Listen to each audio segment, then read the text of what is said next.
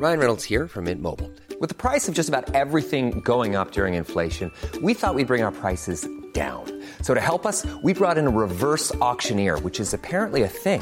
Mint Mobile unlimited premium wireless. Ready to get 30, 30, bit to get 30, bit to get 20, 20, 20, bit to get 20, 20, bit to get 15, 15, 15, 15 just 15 bucks a month. So, Give it a try at mintmobile.com slash switch.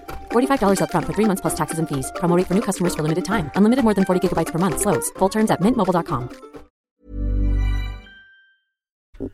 Vi er på Risbakken på Klenkbåtsenteret og står her og diskuterer litt, grann, eh, Geir Joar. Vi ser på det som skal være vikingskip eh, i en, en liten sånn minnehylle du har om Gerhard eh, Folgerød.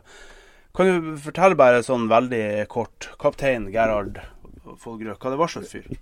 Ja, han var jo uh, opprinnelig Faren var uh, flyttet til Sandnessjøen fra Bømlo. For det Folgerød-folkene der, de er fra Bømlo. Det er jo en som er med i og Linda Eide. Hun har en som spiller saks. Men det, men det, var ikke det.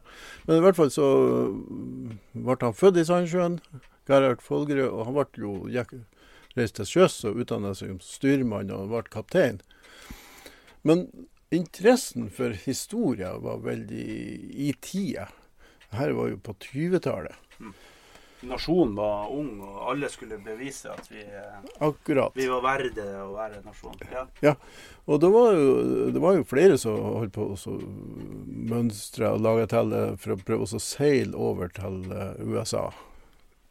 Så Som var ikke alene om den her ideen. Nei da. Det var jo gjort før òg, på 1800-tallet. Ja, det var jo det som var. Jeg har, jeg har som sagt arbeid på Nasjonalbiblioteket, og jeg har funnet en god del artikler om folk som prøver å komme seg over til Det var jo en 18, ca. 1895 så var det en som, som seila over, og den skal visstnok stand i Chicago nå, den båten der. Okay. ja. Men, men det her, her, her, det var jo han Folgerød, han var jo interessert i å få bygd en båt, og da kom jeg inn til Hemnesberget, for det, de var jo kjent for uh, Ja. Og de, de bare flira av han og sa nei, det var sånn der uh, Klenkbåter, det drev ikke de med. Det var kra- kravell da, som var i tiden. Kravellbygd. Ja, så, så, så det var gått helt ut av tida å bygge med klenk allerede da? Nei, men så skulle vi høre. Det som er spesielt, og kanskje litt, litt småsensasjonelt, er at de, de så ned på de som drev med klenk. Så at de okay. sa måtte reise inn i landet. Ja. Og da mente de jo Korgen. For der var det noen såkalte sponbyggere som holdt på. Sponbyggere? Ja, de, okay. på Hemnes de kaller for de som drev med klenker, for sponbyggere. Oh, ja. Ja, for det var jo liksom sånn, det, ikke det, det var gått av moten og sånn. Ja. Så her var jo for fullt med klenkbåter. Det er jo bare så vidt at det ikke enda driver på med det.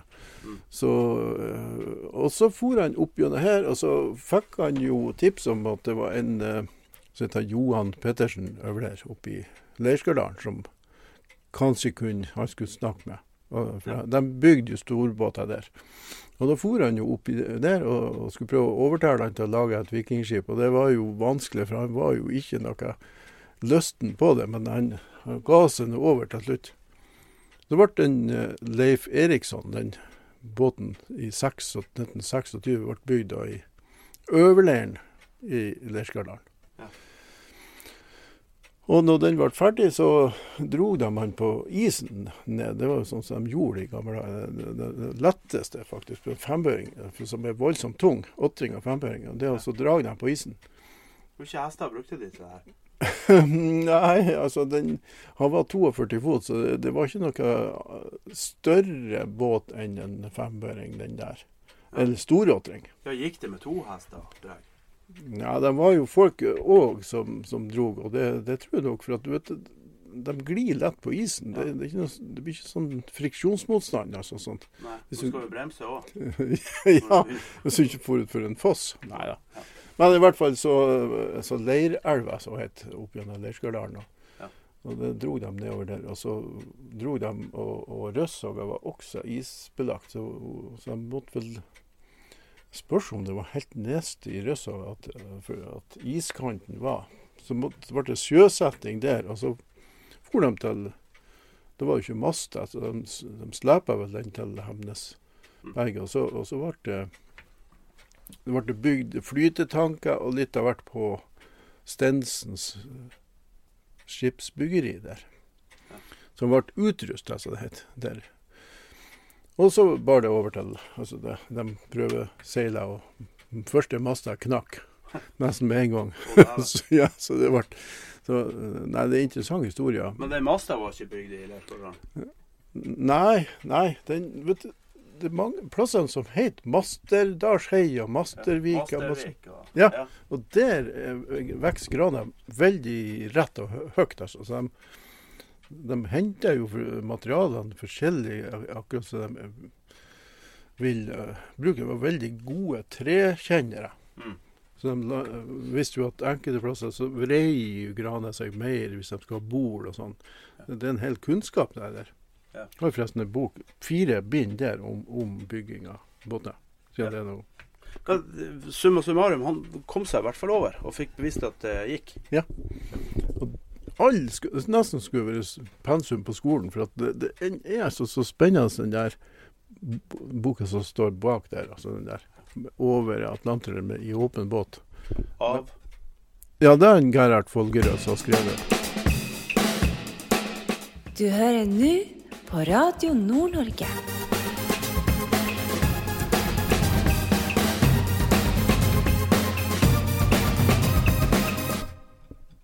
Er på Risbanken Ris, Risbanken Risbakken Klippbåtsenter eh, og snakker med han eh, Geir eh, Joar. Vi har snakka litt om han Gerhard Folgrø, den her eh, nordnorske gutten som fikk bygd vikingskip på 1920-tallet og seilte over, og kalla båten sin for Leif Eriksson. Og jeg har hørt at det satte sinnet i kok i New York når han kom inn, og at det ble samla en masse båter med eh, folk fra Spania og Italia for å prøve å, prøve, å- prøve å stoppe dem og komme fram, rett og slett. Hvorfor det? Nei, altså det, det står i den boka Uh, for Ja, han har skrevet åpen om båt. det selv. Ja, jeg, skrev, ja da, og det, det, det, det, jeg må jo si jeg fikk jo litt hakeslepp når jeg leste det sjøl. og det er klart at uh, vi kjenner jo alle til Sante Maria El Niño, det her med Columbus. Ja. Jeg har den faktisk. um, og eh, de latinoamerikanerne Ja. de var jo veldig skeptiske på at, det skulle, at her måtte vi forandre historien. De ville jo holde på det der at det var en Columbus som var førstemann. For de, for de nekter på at Leif Eriksson har vært der. Ja, ja, ja, ja. Så derfor så kom de ut i Hudson River, ut, utenfor eh, New York der, og, og, og prøver å, å bore han. Altså, de prøver altså å hindre han å komme til lands. Det er jo nokså sensasjon. Det er nesten sånn, litt sånn verdenssensasjon at de, at de gikk så langt for å hindre at fakta kom på. Men da, seinere, ble jo han Helge Ingstad og med frue, de fant jo uh, viking... eh, Ja, for de fant det etter. ja, så det her var Så det var Så de, de, de gjorde hva de kunne for å For å stoppe hele Ja, for å få fakta bort, altså. Men er det noe spor igjen av båten? Ja, ja, hele båten står. Eh, Står hele båten? Ja, ikke unntatt en liten bit. Uten en liten bit, ja. Det er det jeg skulle fram til.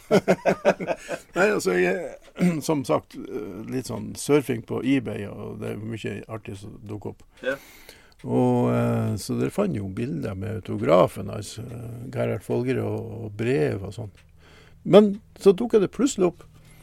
Der står det This is a piece of Duluth Leif Eriksson Viking ship. Altså den Så står det Johan Petersen Øvler Korgen i et stempel.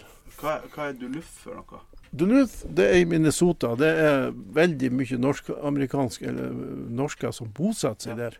For det skal også være med i historien at når de først kom seg gjennom denne blokaden, så var det jubel på andre sida av blokaden. Ja. For der var det et annet folkeslag som sto og tok imot. Ja, det var det skandinaviske. Ja. Og de, de uh, var jo seilskip, altså det var ikke motor. Og så var det å komme seg opp gjennom Hudson River, for de skulle til en sånn verdensutstilling i, i Chicago. Og, så, og da, da, da hender det at de måtte leie hester som gikk på sida med tau, og drog Leif Eriksson opp eh, Ja. strekninger på Hudson River. Hvis det var eh, vindstille. Og her, ja, og så dukker det opp at, at så her er med en sånn plugg som er typisk for bygging av storbåter. Så bruker de å, å, sånne plugger. Så det her, det her, og det her er til inntekt for restaureringa av Leif Eriksson. Så har de sikkert hatt noen råtne bord som de har kappa opp og så laga sånn her for å få inn penger.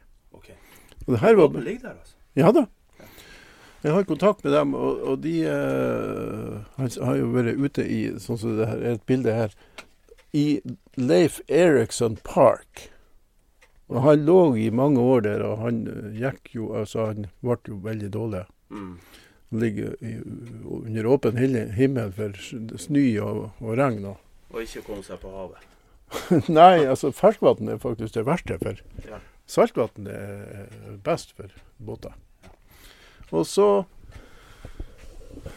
og da, nå, eh, de driver med innsamling. og Siste nytt det er jo at de ikke har greid å skrape i hop så mye penger at, at de skal lage et glasshus, sånn at uh, Leif Eriksson skal fortsatt stå i Leif Eriksen Park. Altså, han ble jo kjøpt av en norsk-amerikaner da han Folgerød kom til, endelig kom til Duluth.